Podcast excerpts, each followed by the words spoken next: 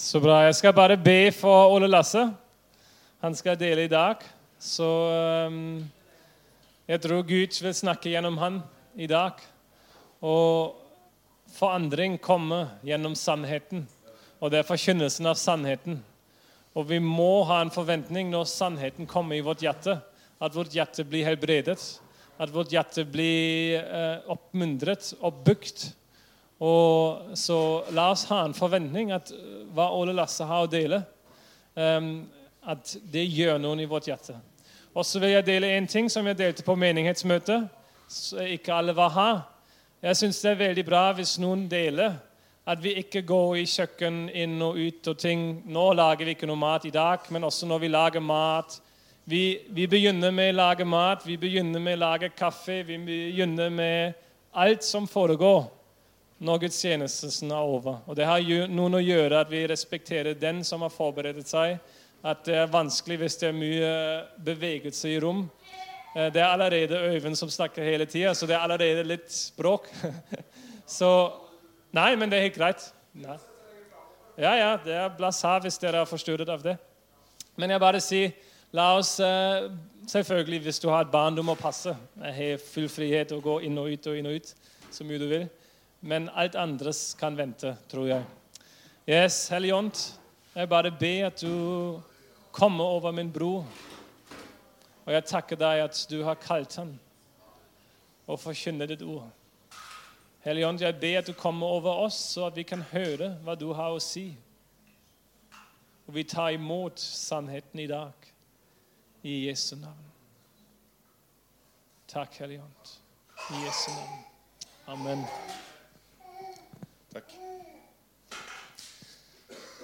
Takk for, eh, for, at jeg får eh, mulighet. Eller jeg må kanskje takke Maren også for mulighet for å preke i dag. For at jeg sa egentlig litt sånn nei. For at jeg, på tirsdag så åpna jeg butikk i Bø.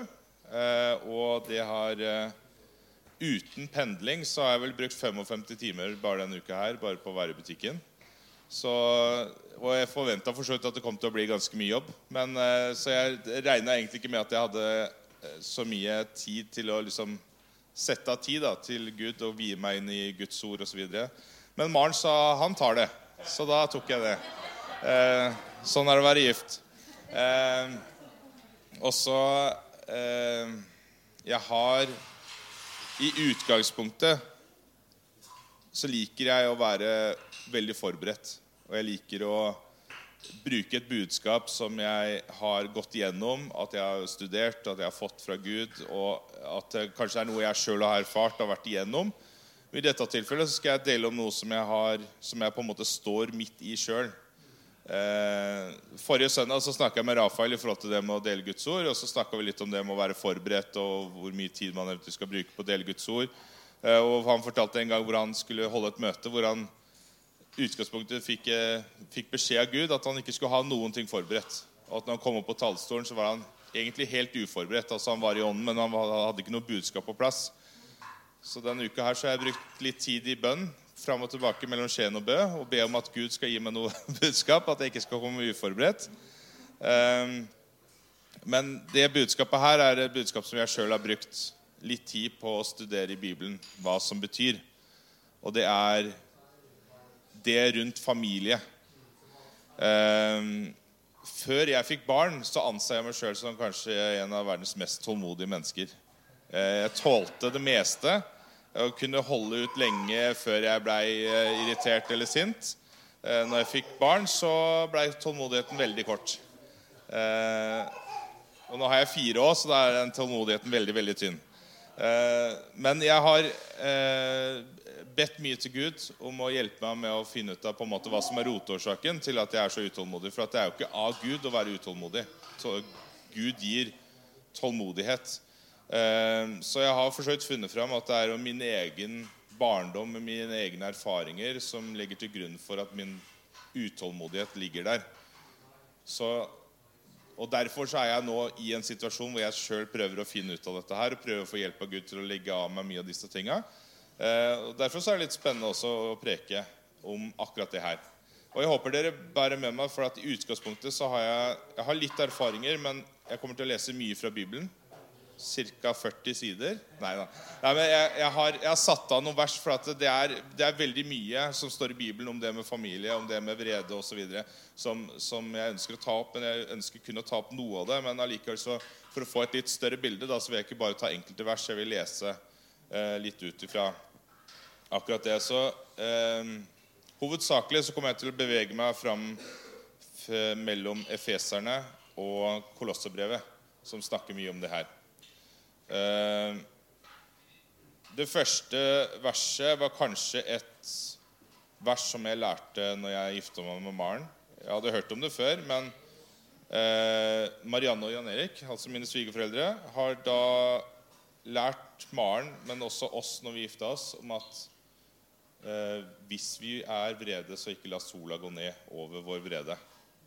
Og Det er et veldig veldig bra budskap å gi fordi at man skal gjøre opp hvis man har en uh, uoverensstemmelse. Akkurat det verset i Bibelen er faktisk litt større enn bare at hvis man blir sint, så gjør opp. Det, det handler om altså, Til og med Jesus blei vred i, en, i kanskje en og kanskje flere situasjoner også.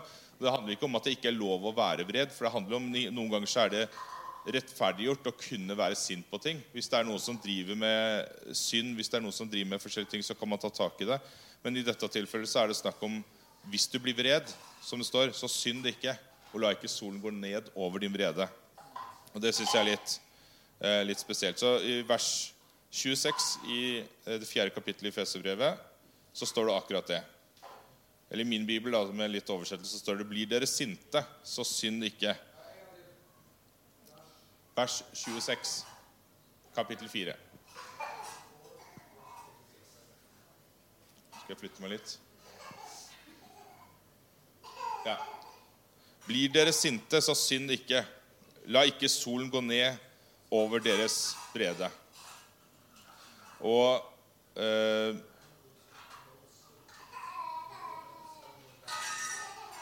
Bare for å bekrefte også det budskapet, da, så står det også i Bibelen en kryssreferanse til eh, Jakobs brev. Og jeg er veldig veldig glad i Jakobs brev, for han er veldig, veldig ærlig og veldig rett fram i budskapet sitt. Og i Jakobs brev kapittel 1 vers 19 så står det Eh, derfor, mine elskede søsken, skal hvert menneske være snart til å høre, sent til å tale og sent til vrede. Det går fint. James? Ja, ok. Det vet jeg ikke. Ja.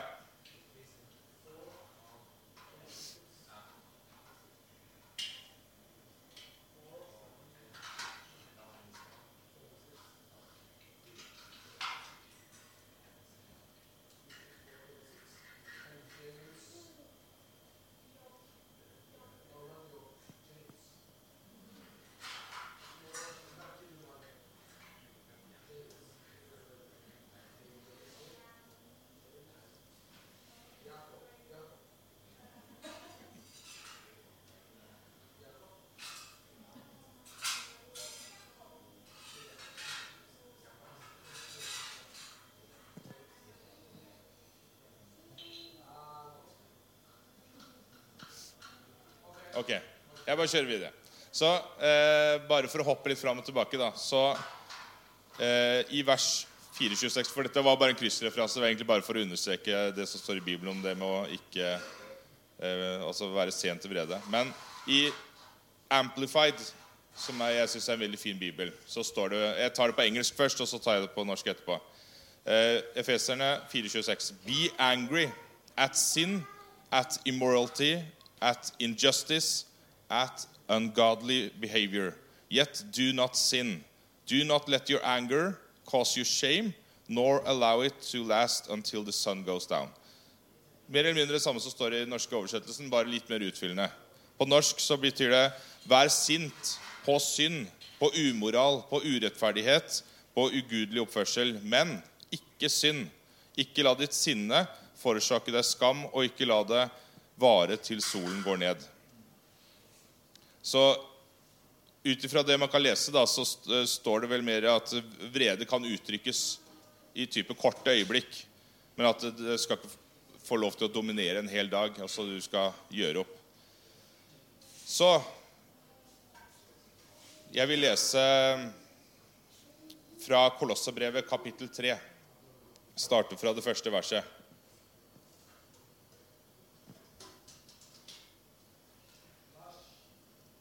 Første verset, kapittel 3.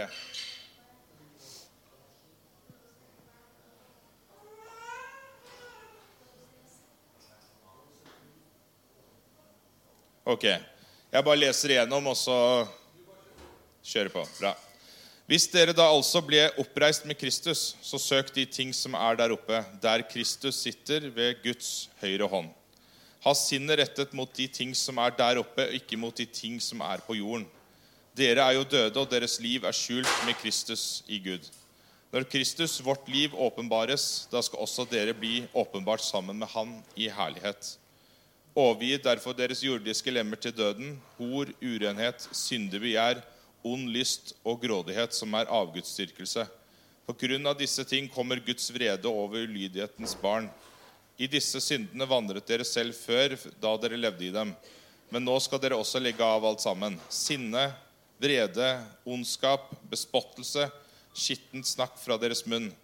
Lyv ikke, deres, uh, lyv ikke for hverandre, siden dere er avkledd, dere det gamle mennesket med dets gjerninger, og ikle dere det nye mennesket som blir fornyet til kunnskap etter bildet av Han som skapte det.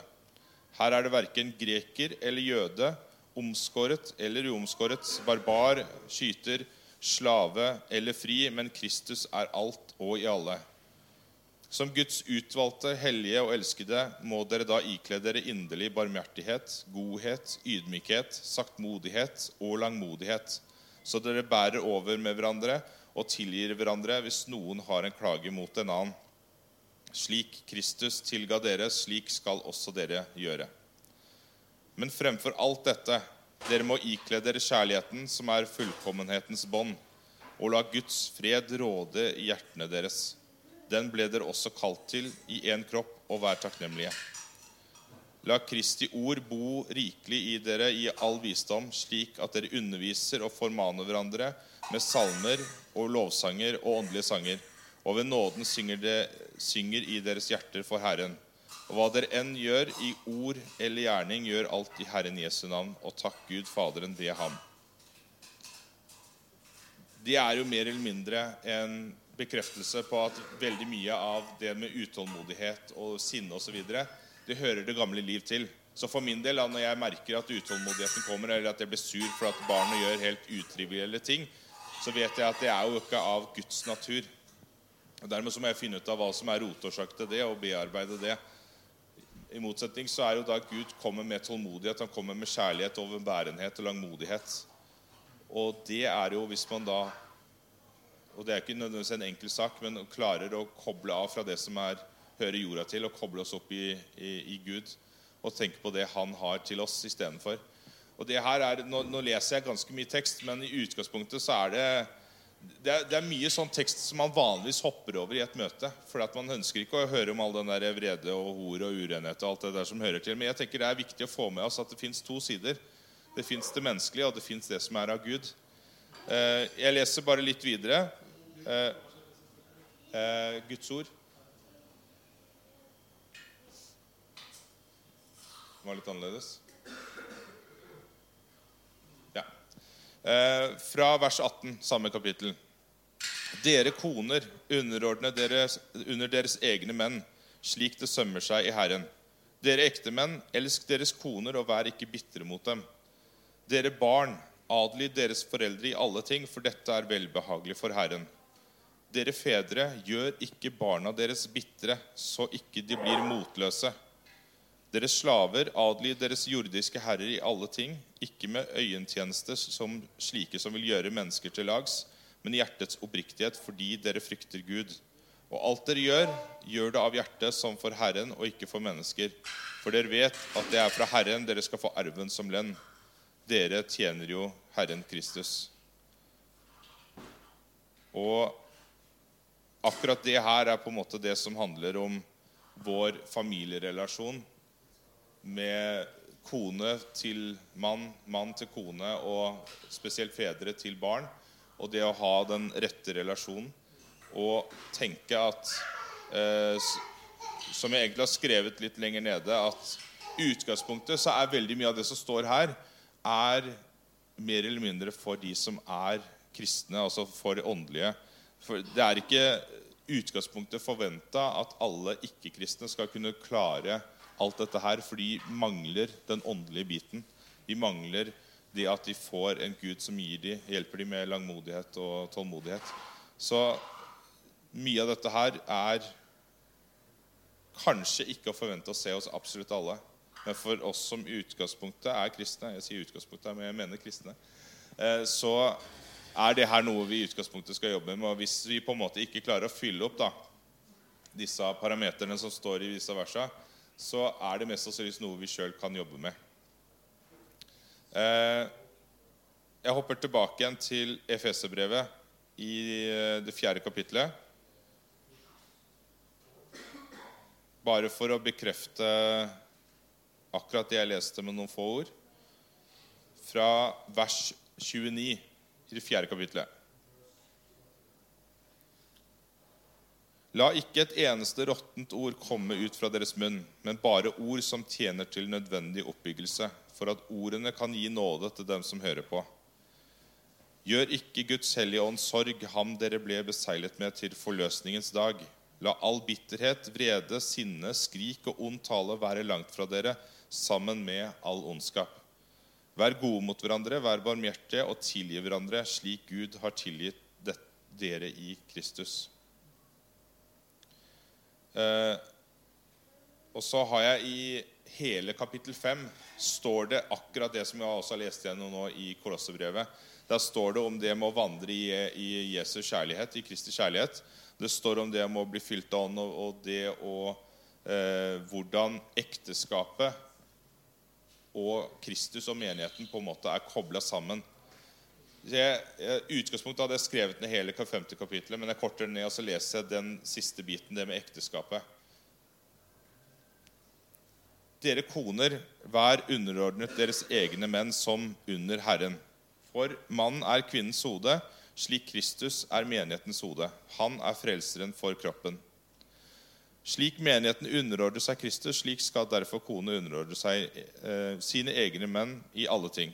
Dere ektemenn, elsk deres koner slik Kristus elsket menigheten og ga seg selv for den, for at han skulle hellige den idet han renset den ved vannbadet i ordet, for at han kunne føre dem fram for seg selv som en herlig menighet uten flekk eller rynke eller noe slikt, men at den skulle være hellig og uten feil. På samme måte skylder ektemennene å elske sine egne koner som sin egen kropp. Den som elsker sin kone, elsker seg selv. Ingen har noen gang hatet sin egen kropp, men han gir dem mat og har omsorg for dem, slik Herren gjør med menigheten. For vi er lemmer på hans legeme, av hans kjøtt og av hans bein. Derfor skal mannen forlate sin far og sin mor og være knyttet til sin kone, og de skal være ett legeme. Dette er et stort mysterium. Jeg taler her om Kristus og menigheten.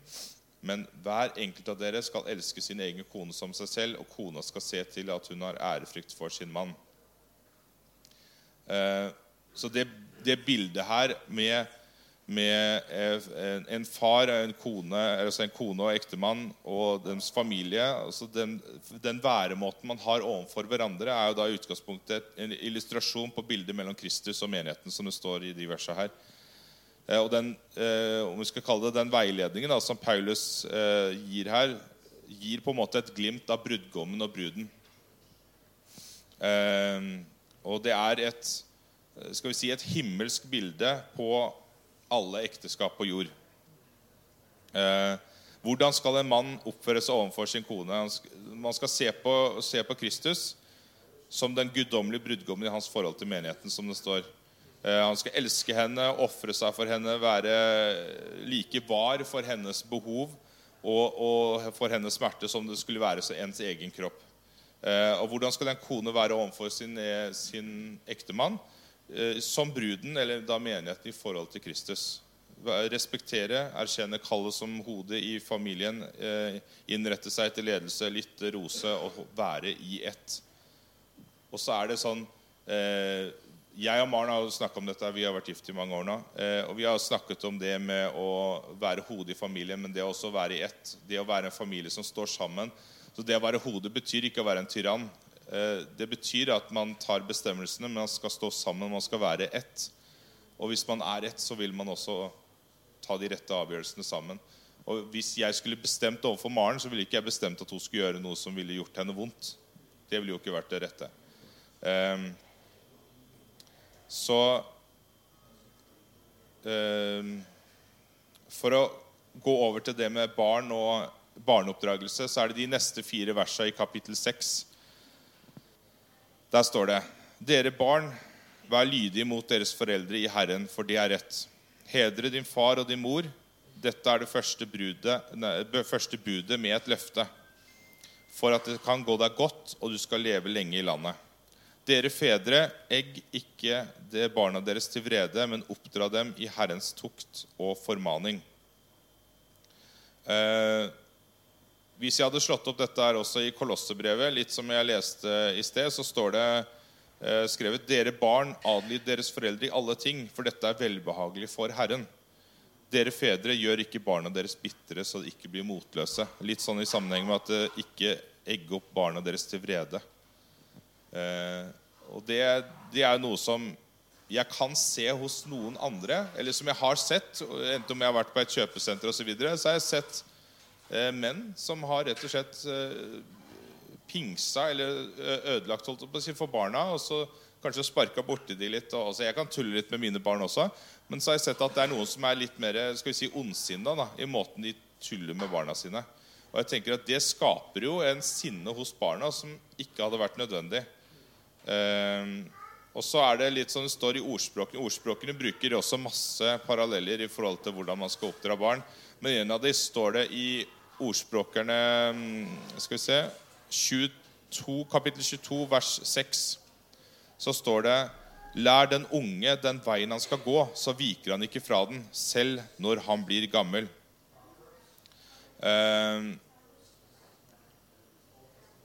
som, som en direkte tilknytning til det med at man ikke skal egge opp barna til vrede, så, så leste jeg en bibelkommentar.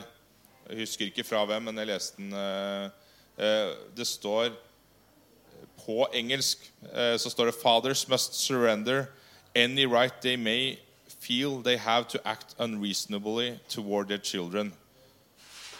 Fedre må gi fra seg enhver rett de måtte føle de har for å opptre urimelig overfor barna sine. Og Det tenker jeg er på en måte den store forskjellen mellom oss som er åndelige, kristne, og som, som har med Gud å gjøre. At vi må rett og slett bare gi fra oss den retten. For verden har den retten. Og de bruker den, og misbruker den retten. Men for oss så må vi legge den av oss. Fordi at Vi ønsker ikke bare at barna våre skal vokse opp og ha det bra, men vi ønsker også at de skal gå inn i Guds rike. Og at Vi må lære dem opp til å ha de rette holdningene, de rette orda, de rette væremåtene. Og da må vi også vise at vi er et forbilde. Så det ehm, eh, Ja. Og som sagt, så Jeg står på en måte i noe av dette her sjøl. Jeg har på en måte fanga opp noen av de tingene jeg har prøvd å endre på det selv. Men så er det ikke alltid like lett å gjøre det. Og spesielt når man står i en situasjon, så er det lett å glemme hva man faktisk står i. Eh, litt lenger ute i kapittel 6 jeg, jeg går egentlig mot avslutning, for jeg, det her var det jeg fikk. Eh, ja, Efeserne 6 og vers 12. For jeg tror at alt vi opplever, spesielt når det kommer til familie, alt som på en måte er riktig, det er en kamp. Og det er en kamp som utgangspunktet er åndelig. Og det står bekrefta da i vers 12. For vår kamp er ikke mot kjøtt og blod, men mot maktene. Mot myndighetene, mot verdensherskere i denne tidsalderens mørke. Mot ondskapens åndelige hærskarer i himmelrommet. Så kort fatta så når man står i en situasjon, f.eks. For, for min del, da, som opplever en utålmodighet mot barna, så handler det egentlig ikke ut mot barna. Det handler om en kombinasjon av hva jeg sjøl har opplevd, og at jeg står i en kamp og ikke klarer å stå imot den åndelige kampen der og da.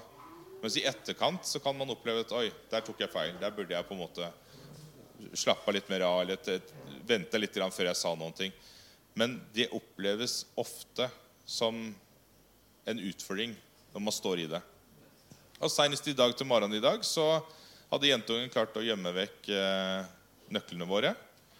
Så vi brukte sikkert 20 minutter alle sammen, løpte rundt i huset for å leite etter nøkler. Hvor vi da til slutt fant ut at hva, vi bare hopper over og reiser på møte da, for det blir jo bare styr. Hvor jeg tenkte at ja, jeg har en ødelagt ekstranøkkel, så vi tar den, og så reiser vi. Eh, og det hørtes veldig romantisk ut, det jeg sa nå. Det var ikke sånn i de 20 minuttene når vi leite etter de nøklene.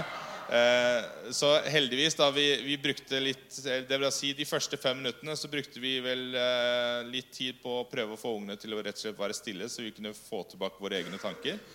Og så, når vi begynte å kjøre opp mot Valbø, så begynte vi å be for at de nøklene skulle finnes. Og alle i bilen, kanskje bortsett fra Aron, da, alle i bilen ba for at vi skulle finne de nøklene. Og vi gikk i runddans. Maren ba, og så til slutt så ba jeg. Og idet jeg begynte å be, så begynte jo de eh, kråkene baki der å begynne å lage mer bråk. Så jeg prøver liksom å liksom tenke nå, nå må jeg bare holde roen inne mens jeg skal be om de nøklene. Jeg fikk bedt akkurat det med nøklene før jeg skal begynne å be om at møtet skal bli bra. Og så ringer tanta til Maren, som er på besøk, og sier at ja, nå har jeg funnet de nøklene. De lå ned, langt ned i sofaen. Jeg måtte ta fingrene langt ned i den sofaen. Jeg fikk tak i de. Og vi bare Ja, men det er bra, for nå har vi bedt. Så da så var det sånn bønnesvar med en gang. og Det var veldig herlig. Men da ser man på en måte Skal jeg preke om det her? Og liksom, ikke at man skal være så heldig da, at man alltid skal være så mye bedre. Men det, men det poengterer jo bare akkurat det her med at det er en kamp i det åndelige. Så når man skal gjøre noe som er rett, enten om man skal holde et møte eller om man skal belære ungene til å gjøre noe riktig, eller uansett hva det er, er det noe rett, så det, kan man være ganske sikker på at det er en kamp. Og det var det i dag til morgenen òg. Det var hakket før Maren ble hjemme med noen av ungene, og jeg reiste alene oppover med, med en annen bil. Men heldigvis så, og i Jesu navn så klarte vi det. Det var det jeg hadde. Tusen takk. Det var veldig viktig. Og dette budskapet er for alle. Noen har, har barn. Noen har er gift og noen her skal gifte seg. Og alt som Ole Lasse leste, var at ekteskap hva du leste i Fesene, er et bilde av Jesus. Er egentlig den uh, original, den uh, opprinnelige bildet av Jesus og hans menighet. Så dere i deres ekteskap, vi i vår ekteskap, har muligheten å representere Jesus og hans menighet i den minste element, og det er ekteskap. Og der kommer familie. Og vi alle lever i en eller de andre måter. I ekteskap eller familie, eller skal leve i ekteskap. Så det er veldig, veldig viktig. Og vi kan synge så ofte vi vil 'Jesus, vi elsker deg', men hvis vi lever et liv som ikke um, representerer det i hverdagsliv, da blir det, da blir det vanskelig.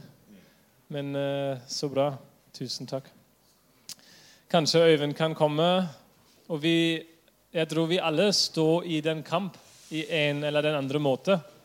Jeg tror vi alle har kanskje utfordringer i ekteskap og åndelig representerer Guds kjærlighet til den andre.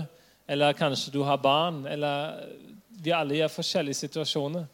Men eh, jeg tror når Ole Lasse har um, satt den budskapet foran oss, det er en invitasjon og, og stige opp til Guds standard. Ikke fordi nå prøver vi bedre, men fordi sannheten har blitt, har blitt presentert.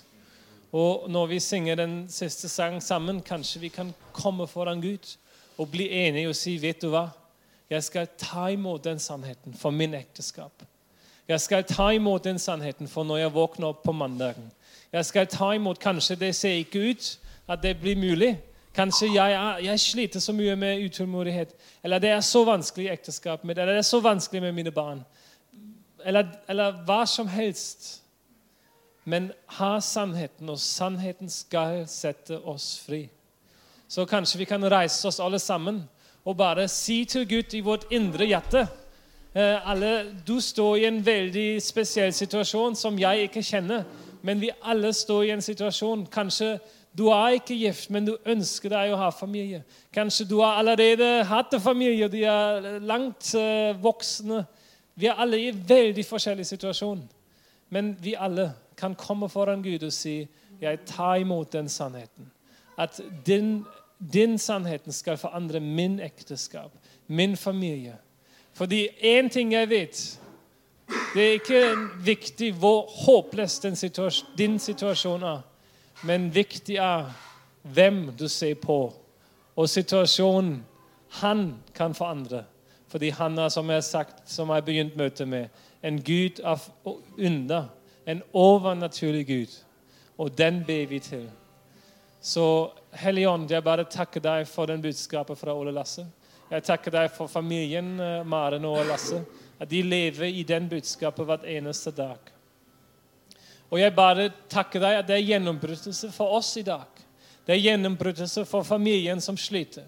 Jeg bare ber og proklamerer i Jesu navn at det blir seier i den familien hvor det er vanskelig. Jeg ber for de ekteskaper hvor det er ikke noe ekteskap egentlig. At det blir gjennombrytelse i Jesu navn. At kjærlighet skal komme innom. Jeg ber for de, de forholdene hvor det er ikke noe underordning og ikke noe eh, um, um, kjærlighet til hverandre i de riktige rekkefølge. Jeg ber at det blir gjennombrytelse i Jesu navn. Jeg ber for de som er ugift, at du skal forberede hjertene. At det blir en representasjon av hvem du er. Jeg ber for de voksne barn som ikke kjenner deg, Jesus. At du kaller dem hjem. Helligånd, vi kom nå sammen som en menighet som en familie. Vi er alle forskjellige, i forskjellig plass, vi er forskjellige lemmer.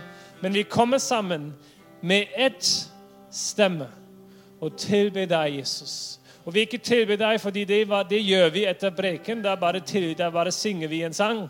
Så det blir en bra avsluttelse. Men vi kommer sammen i enhet og proklamerer din sannhet og din seier i Jesu navn. Og vi forventer når vi synger nå, når vi bringer våre bønn, bare bring din egen bønn foran Gud. Du vet hvor du trenger for gjennombrytelse. Og vi forventer, Gud, at du skal gi oss kreativitet. Hva vi skal gjøre i morgen. Kanskje du skal ringe noen. Kanskje du skal, du skal sitte ned med din ekte mann, med din kone. Kanskje du skal sitte ned med, din, med, din, med dine barn. Kanskje du skal ta noen og skrive opp i kveld og skrive noen tankene du hadde men at det blir kreativitet, hvordan vi kan utleve hva Ole Lasse har um, delt i dag. I Jesu navn. Halleluja.